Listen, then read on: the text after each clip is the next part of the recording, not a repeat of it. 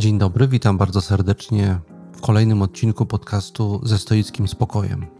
Wprawdzie, zgodnie z zapowiedziami z poprzedniego 97 odcinka, miałem dzisiaj podjąć temat słabości, jednak postanowiłem poprzedzić go innym rozważaniem, który przyda mi się, żeby później o tej słabości lepiej powiedzieć. Jest to rozważanie na temat podstawowego stoickiego odruchu przekierowywania energii. Zapraszam do słuchania.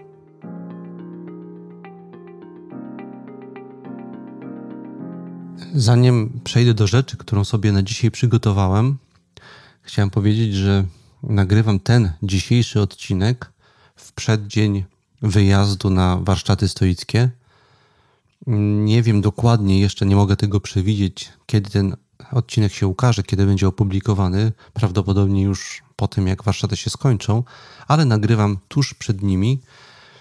To są warsztaty po raz pierwszy w nowym miejscu, w Ulnowie, osada Ulnów w okolicach Grunwaldu. I ja tam jadę na rowerze jutro z samego rana. Wyruszam, a dzisiaj jeszcze chciałem nagrać odcinek podcastu.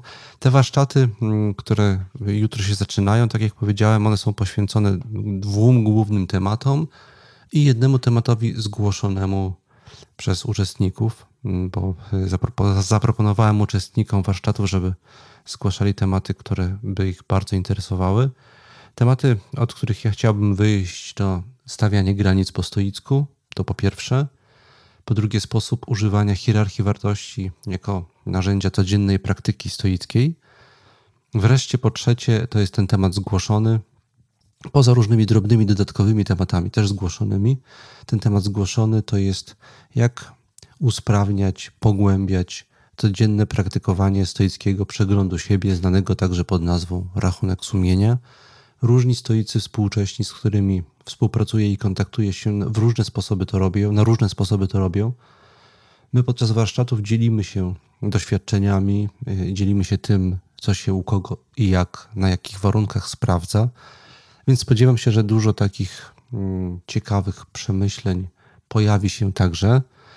Poza tym jedna ze, z uczestniczek y, zgłosiła, żeby chciała porozmawiać i też będzie częściowo prowadziła ten moduł porozmawiać o antynomiach wolności w odniesieniu właśnie do stoicyzmu, bo stoicyzm jest praktyką dającą wolność.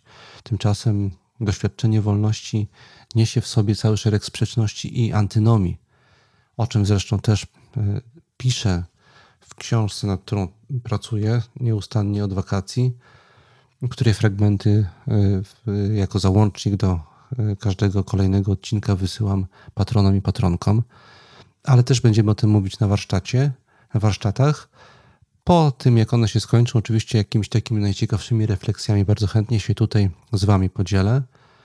Na razie to wszystko na temat warsztatów i przechodzę już do omówienia dzisiejszego odcinka, czyli tego, co sobie w tym odcinku przygotowałem i z czym chciałem się z Wami podzielić.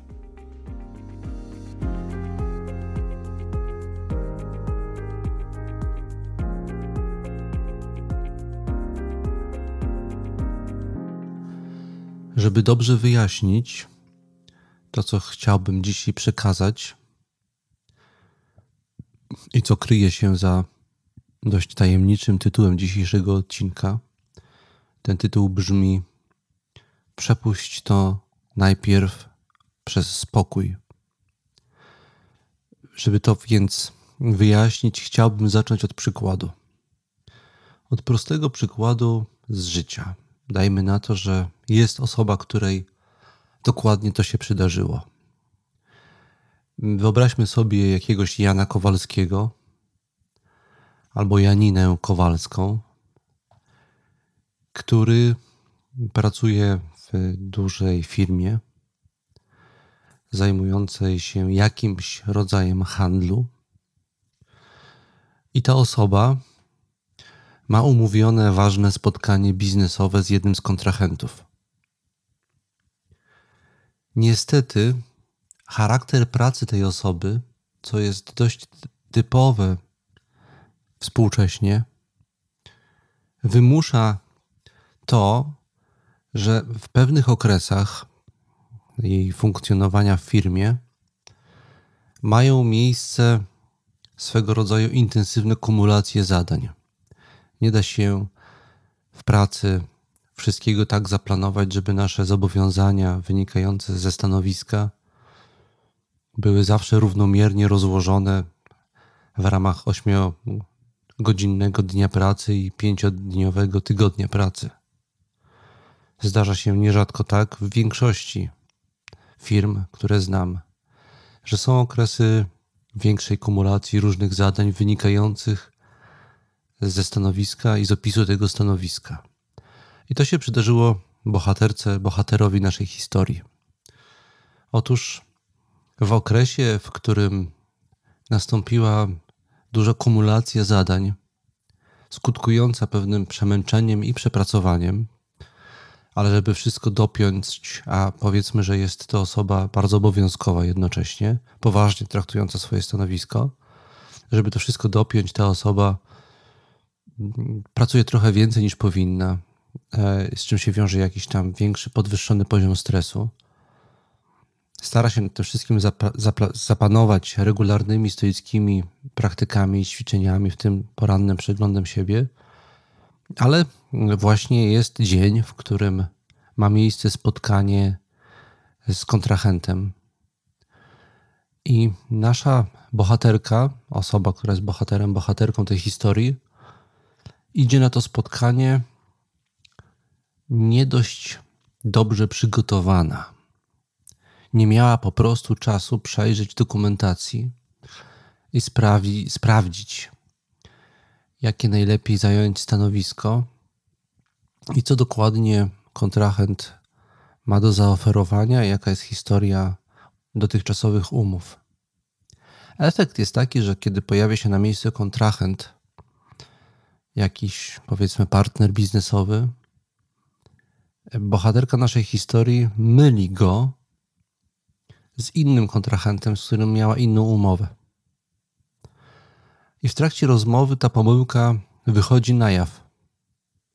Kontrahent wykorzystuje to przeciwko tej osobie, e, udaje albo faktycznie doświadcza silnego wzburzenia, e, którym to stanem emocjonalnym wywiera presję, żeby zachować twarz i trochę zadośćuczynić swojej pomyłce, bohaterka naszej historii zgadza się na umowę, która nie jest optymalna, nie jest tak korzystna dla firmy, w której pracuje, jak mogłaby być, gdyby była do spotkania lepiej przygotowana i nie pomyliła partnera biznesowego z kim innym. Spotkanie się kończy.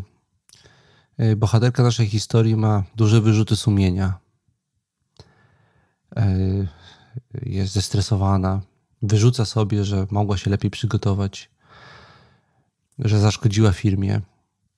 Prawdopodobnie nie będzie żadnych większych konsekwencji, bo może nikt na to nie wpadnie, nikt nie zauważy tego, że mogła jednak negocjować inaczej i ustalić co innego.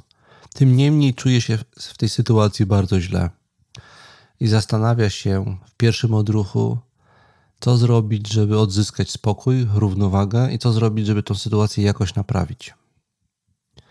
I to jest, to jest moja puenta do tej historii. To jest historia z życia wzięta. Powiedzmy, że ona się naprawdę komuś przydarzyła. E, komuś, z kim o tym rozmawiałem. I to jest dość typowy scenariusz sytuacji, w których bierzemy udział na co dzień. Zdarza nam się coś, co idzie nie po naszej myśli. Może to być na skutek naszego niedopatrzenia, który jest bądź nie jest naszą winą. Jeżeli mamy takie stanowisko, że nawał zadań, e, co okresowo się pojawia w niej, w tym stanowisku, to takie rzeczy po prostu muszą się zdarzać. To, są, to jest część życia. E, I my lepiej lub gorzej z tym sobie radzimy. A takie rzeczy się zdarzają. Pierwszy odruch, jaki, jakiego doświadczamy w takiej sytuacji, jakiego doświadczają, doświadcza większość ludzi, to jest odruch jakoś uwarunkowany społecznie, ewolucyjnie, na każdym poziomie i on jest bardzo silny. To jest odruch każący nam naprawić sytuację. Co zrobić, żeby naprawić sytuację, żeby nam było lepiej, żeby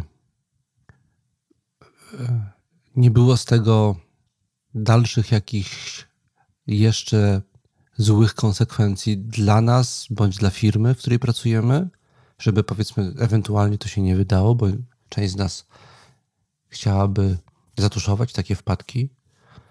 Co zrobić, żeby było dobrze? Pod pojęciem dobrze może się kryć wiele rzeczy, ale generalnie odruch bardzo wielu ludzi w takiej sytuacji, w sytuacji jakiejkolwiek tego typu wpadki, jest taki, co zrobić, żeby było dobrze, żeby powrócić do pewnego rodzaju równowagi, do jakiejś homeostazy, do sytuacji, w której panujemy nad sytuacją, w której kontrolujemy to, co się dzieje i, i, i nasze i wszystkie atuty mamy znowu w ręce. To jest ten pierwszy odruch. I moja refleksja jest taka, jakoś to mnie uderzyło. Kilka takich sytuacji było mi relacjonowanych, albo widziałem, albo sam doświadczyłem na przestrzeni ostatnich dni i one się cały czas zdarzają. I uderzyło mnie jedno, kiedy o nich myślałem, jakoś je sobie w głowie zebrałem w całość, jako pewną regułę, o której teraz mówię. Uderzyło mnie, że ten odruch, ta pierwsza reakcja jest całkowicie błędna z punktu widzenia stoickiej praktyki. I teraz chcę powiedzieć, dlaczego ona jest błędna i jak należałoby to inaczej przeprowadzić.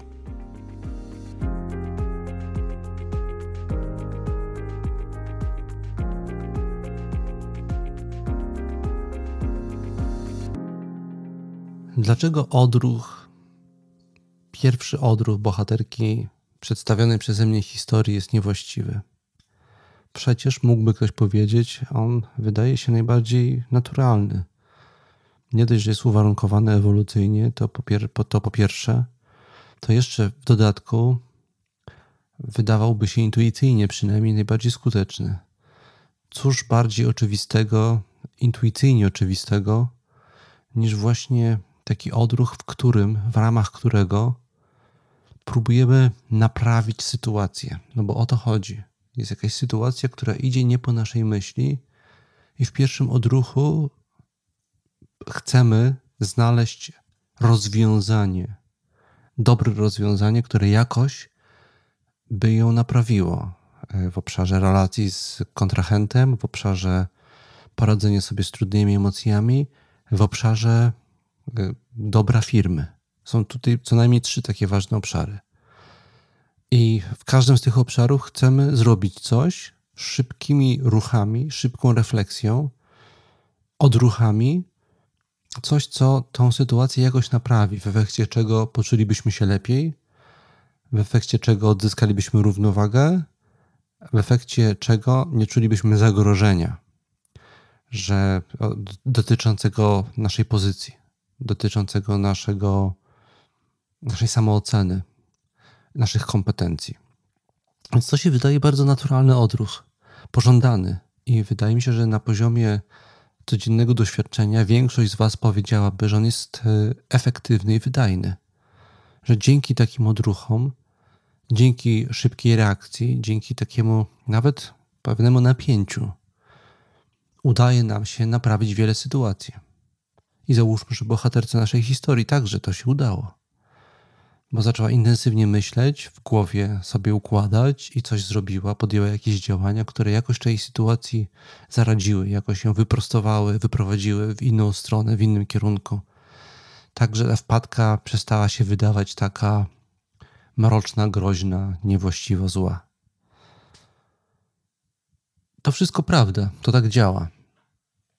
Mm, y, a jednak, tak jak powiedziałem, i jeszcze raz to powtarzam, z punktu widzenia stoickiej koncepcji człowieka, z punktu widzenia tego, co dla stoików jest ważne i jak stoik funkcjonuje, ten pierwszy odruch jest całkowicie niewłaściwy. Istotą praktyki stoickiej jest wypracowanie w punkcie wyjścia na podstawowym poziomie zupełnie innego odruchu, który nazwałem w tytule tego odcinka Przepuść to najpierw przez spokój. Cokolwiek ci się dzieje, cokolwiek ci się przydarza, jakkolwiek byłoby to niekomfortowe, jakkolwiek nie narzucałoby to natychmiastowej, szybkiej reakcji, żeby coś naprawić. W pierwszym odruchu nie myśl, jak naprawić. W pierwszym odruchu umieść siebie w spokojnym miejscu, które gdzieś w sobie masz. Cała praktyka stoicka sprowadza się do tego, żeby wypracować w sobie, wygospodarować, wytworzyć w sobie taką przestrzeń. Tak jak w małży powstaje perła na skutek otaczania drobinki piasku, który się dostał do środka kolejnymi warstwami. Tak kolejne miesiące i lata praktyki stoickiej otaczają to jedno miejsce autorefleksji kolejnymi warstwami tej substancji perłowo-podobnej poszerza przestrzeń do autorefleksji, przestrzeń, w której panuje całkowity spokój i dystans i równowaga. Pierwszy odruch stoika to jest umieszczenie siebie w tej przestrzeni. To jest przepuszczenie energii, przepuszczenie reakcji na sytuację w pierwszym odruchu przez spokój, który mamy w sobie, który wypracowaliśmy w ramach ćwiczenia stoickiego.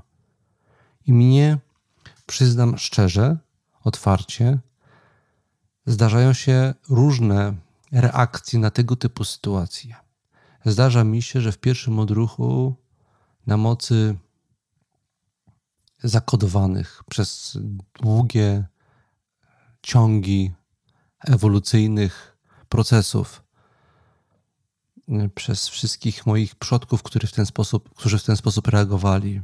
Zdarza mi się, że reaguję właśnie niepostoicko, że włącza mi się ten mechanizm, żeby przeprosić, naprawić, poukładać inaczej, żeby było dobrze. A dla stoika, bez względu na to, jaki będzie skutek tej sytuacji, dobrze jest wtedy, kiedy najpierw i w pierwszym odruchu umieści siebie i całą sytuację w obszarze wewnętrznego spokoju, w obszarze, w ramach którego ma dostęp do refleksji, do pełnej refleksji, gdzie może rozważyć wszystkie swoje możliwości, wszystkie atuty, którymi w danej chwili dysponuje, wszystkie swoje kompetencje, wszystkie racje. Bo tylko w stanie kompletnej, pełnej, spokojnej refleksji mamy dostęp do wszystkich naszych zasobów.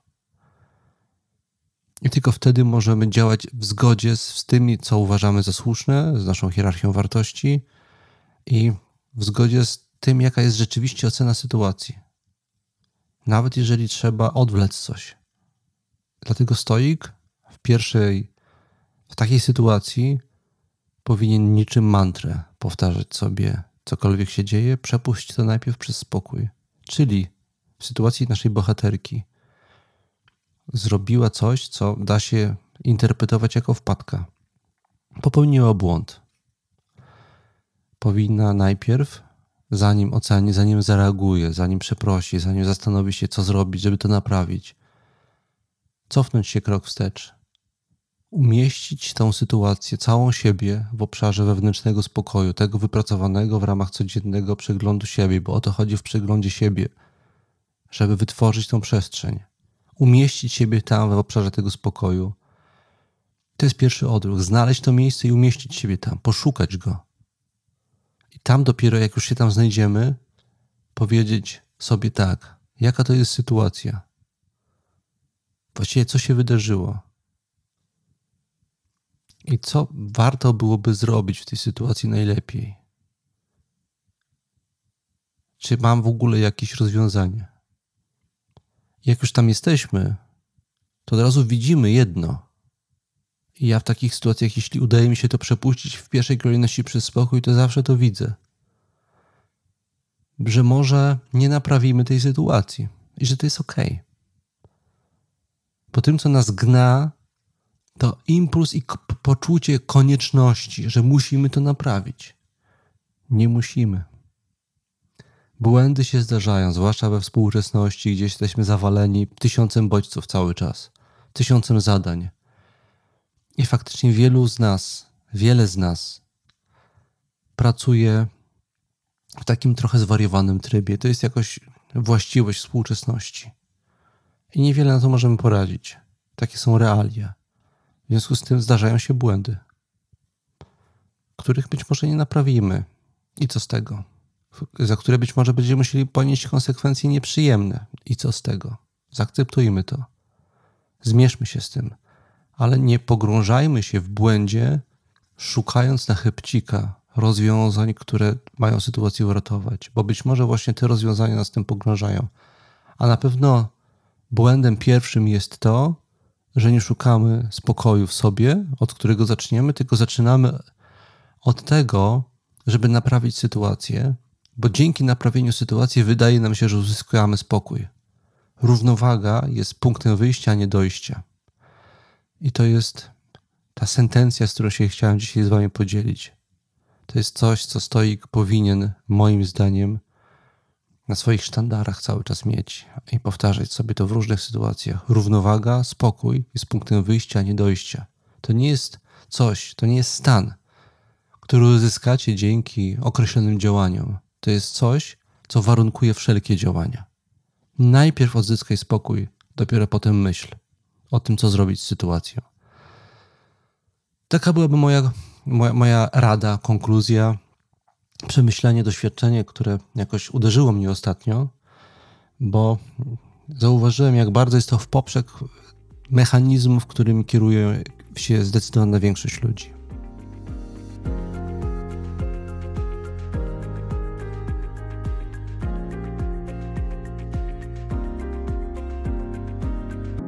Podsumowując to, co powiedziałem, mógłbym to ująć także w następujący sposób. Absolutnym priorytetem praktykującego stoika bądź stoiczki jest zachowanie spokoju, ale nie spokoju, w którym chodzi o to, żeby być spokojnym, ale spokojnego, chodzi o spokój, w którym mamy, i to jest istota tego doświadczenia, dostęp do siebie, do tego, co jest dla nas ważne i do tego, jacy jesteśmy. E, taki dostęp, w efekcie czego możemy z tym, co ważne i dlaczego jest dla nas ważne, dzielić się z innymi i naznaczać nasze działania tą specyficzną jakością. O tego rodzaju spokój chodzi. To jest priorytet. Dlatego pierwszym odruchem stoika jest uzyskanie dostępu do tej sfery, do tego spokoju. Dlatego nazwałem ten odcinek, ten dzisiejszy odcinek w ten, w ten nietypowy sposób. Przepuść to najpierw przez spokój. Coś się dzieje, masz odruch, żeby gdzieś z tym lecieć. Nie, nie, nie, nie. Nie idź z tym odruchem. Najpierw to umieść w obszarze swojego spokoju, w obszarze siebie, w obszarze tego, co jest naprawdę ważne dla ciebie. Dopiero potem się zastanowić, czy gdzieś z tym chcesz pójść i jak pójść. I gdzie pójdziesz i jaki będzie tego efekt, to już nie ma żadnego znaczenia. Chodzi o to, że robić to przez siebie, przez spokój, który masz w sobie. I to jest ta, ten, ten punkt odniesienia stoika. Przy tej okazji chciałem się jeszcze z jedną rzeczą po, podzielić. Jeszcze jedną refleksję mam, która jakiegoś czasu mi towarzyszy. Jest to refleksja na temat istoty praktyki stoickiej i tego, co ona właściwie robi. Wiele lat miałem przekonanie o tym, że istotą praktyki stoickiej jest pewnego rodzaju progres całego ja. Że jestem jakiś ja, to masz Mazur, który w całości się robi spokojniejszy i że ten spokój się rozlewa na wszystkie obszary. Spokój, takie zrównoważenie wewnętrzne, dystans, e, rozwaga i te wszystkie inne cnoty, które stoicy wymieniają w tym kontekście. Miałem przekonanie, że to dotyczy całego obszaru, którego, który określamy za pomocą pojęcia ja, że jest jakieś ja, ono oznacza w nas coś, jakiś zbiór cech, właściwości, przekonań. My się z tym identyfikujemy i że z tym ja coś takiego się dzieje. Mm, po latach praktyki dochodzę do dość mocnego przekonania, że to nie na tym polega. I to uprzedzam wszystkie osoby, które są na początku tej drogi. To polega na tym, że to polega na czymś innym. Żeby to wyjaśnić, odniosę się na moment do jednej ze współczesnych, dość nowych, dość świeżych tradycji w obszarze psychologii i psychoterapii. Mam na myśli teorię, do której kiedyś już się tutaj odnosiłem, która nosi miano dialogicznej koncepcji ja, czy psychologii dialogicznej. Ona zakłada, że człowiek nie jest bytem jednorodnym i nigdy nie był, i to jest w ogóle jakieś kulturowe złudzenie, że jest jakieś jedno ja. Człowiek jest armią różnych podsystemów, podzespołów, różnych struktur, e, które są ze sobą w stałym dialogu. Ja jest iluzją, która jest konsekwencją tego, że jakiś jeden element tej struktury przebije się na wierzch i my się z nimi jakoś okresowo identyfikujemy. Podczas gdy tak naprawdę mamy wiele różnych obszarów w sobie, takich pod ja, które ze sobą są w stałej relacji przyjazno-nienawistnej. Trochę się lubią, trochę ze sobą walczą, trochę rywalizują. Sukces w praktyce wszelkiej i radzeniu sobie ze sobą to jest umiejętność moderowania efektywnego dialogu między tymi elementami. Taka jest w bardzo dużym skrócie istota koncepcji psychologii dialogicznej, tego, tego dialogicznego modelu ja. Mm. Mnie się wydaje, że ja to tak postrzegam, to jest dość zbliżone, zbieżne z różnymi intuicjami, jakie mam na swój temat, jak obserwuję też innych ludzi i to, jak my wchodzimy w rolę. Nie czy mieliście takie doświadczenie, że w różnych sytuacjach społecznych przyjmujecie zupełnie inne role i jakby osoby z różnych sfer widziały was w tych różnych rolach, to miały może poczucie, że widzą inne osoby. W zależności od kontekstu my odgrywamy inne role i te role to są te właśnie takie nasze w obecnej chwili, w, tany, w tym momencie dominujące struktury, z którymi się identyfikujemy, ale są bardzo różne. Bywa tak, że przez wiele lat się z jakąś strukturą identyfikujemy bycia mężem, bycia ojcem, bycia pracownikiem, bycia autorem podcastu ze stoickim spokojem.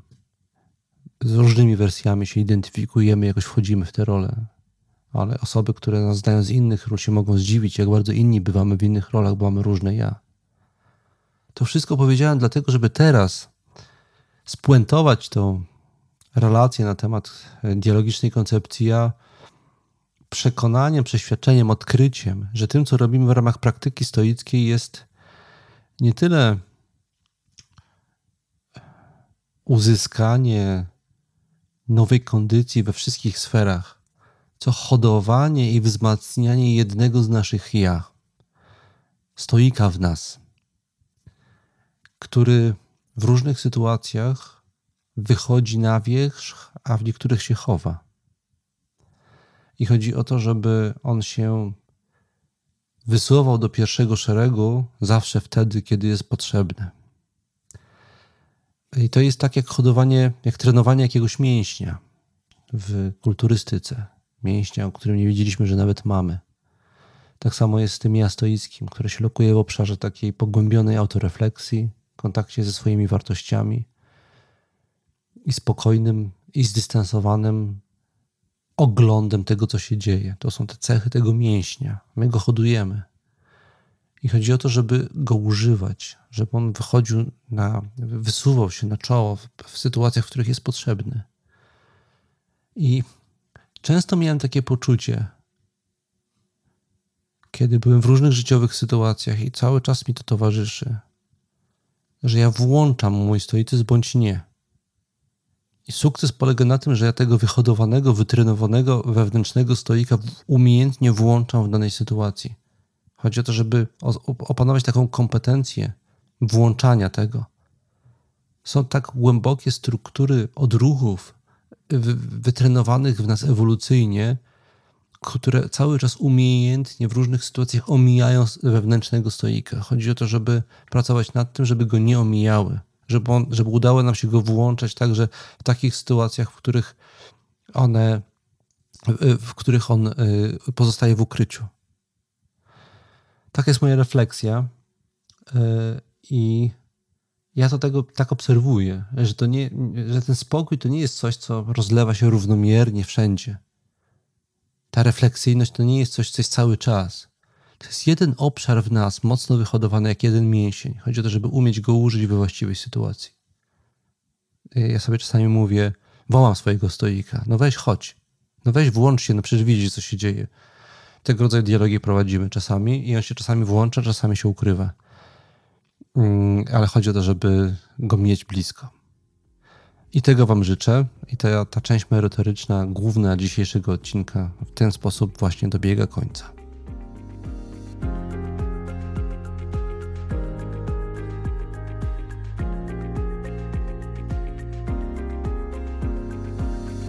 W ten sposób docieramy do prawie do końca, gdzie y, w, tym, w tej końcówce jeszcze kilka rzeczy chcę powiedzieć. Po pierwsze, chcę powiedzieć, że ona nie będzie typowa. Dzisiaj nie będę wyliczał w ramach podziękowania wszystkich hojnych patronów i patronek. Wy wiecie, że o Was myślę, że jestem Wam wdzięczny. Chcę, żeby ta końcówka tym razem była ciutkę inna. Patroni i patronki, którzy wspierają mnie za pośrednictwem Patronite, oni są powodem, dla którego, głównym powodem, dla którego w tej formie przekazuję wiedzę stoicką. Ja to robię dla Was. To, że Wy mnie wspieracie, jest dla mnie informacją zwrotną, że chcecie, żebym to dalej robił. Dlatego to robię. Pewnie, gdyby tego nie było, gdyby to tak nie wyglądało, szukałbym innych formuł, w inny sposób bym realizował mój stoicyzm. Może więcej bym pisał po prostu, myśląc, że może kiedyś gdzieś jakoś to wydam. Ale piszę i tak, i ta książka też z myślą o Was ta aktualna powstaje i do dzisiejszego odcinka w ramach newslettera kolejny odcinek dostajecie. I przy tej okazji chcę powiedzieć, e, podziękować tym wszystkim, którzy ten odcinek ostatni, fragment ostatni przeczytali i napisali do mnie o tym w związku z, z nim coś. Jedna ze słuchaczek użyła nietypowej nazwy na to, co przesłałem, której nie używałem ja. To jest jej pomysł. Za to jestem wdzięczny. Nazywała to baśnią. Mm, bardzo, mnie, bardzo mi się to spodobało. Y, to faktycznie można by tak nazwać, że to jest baśń filozoficzna i tam wiele takich trochę baśniowych, w pewien specyficzny sposób rozumiejąc ten termin, rzeczy się będzie potem działo. Mm, przesyłam Wam w, w podarunku, w dołączeniu do newslettera do tego odcinka kolejny fragment tej baśni, tak będę ją teraz nazywał dzięki Wam. To jest ten, ta interakcja, która mnie bardzo inspiruje. Ja coś wysyłam, czego bym nie nazwał nigdy w pewien sposób, a Wy to tak nazywacie. Ktoś z Was tak to nazywa i to mnie się bardzo podoba. Tak, to jest pewnego rodzaju współczesna baśń. Mm, więc tak, y, y, to, mnie, to, to, to, tak będę teraz y, o tym sobie myślał i tak będę dalej nad tym pracował i pisał.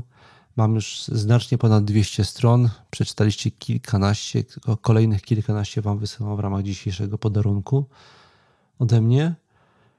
Mm, co do warsztatów, chcę jeszcze powiedzieć jedną rzecz, która jakoś mnie też uderzyła, bo to było ciekawe, kiedy się przygotowałem do warsztatów. W warsztatach uczestniczy wielu patronów i patronek.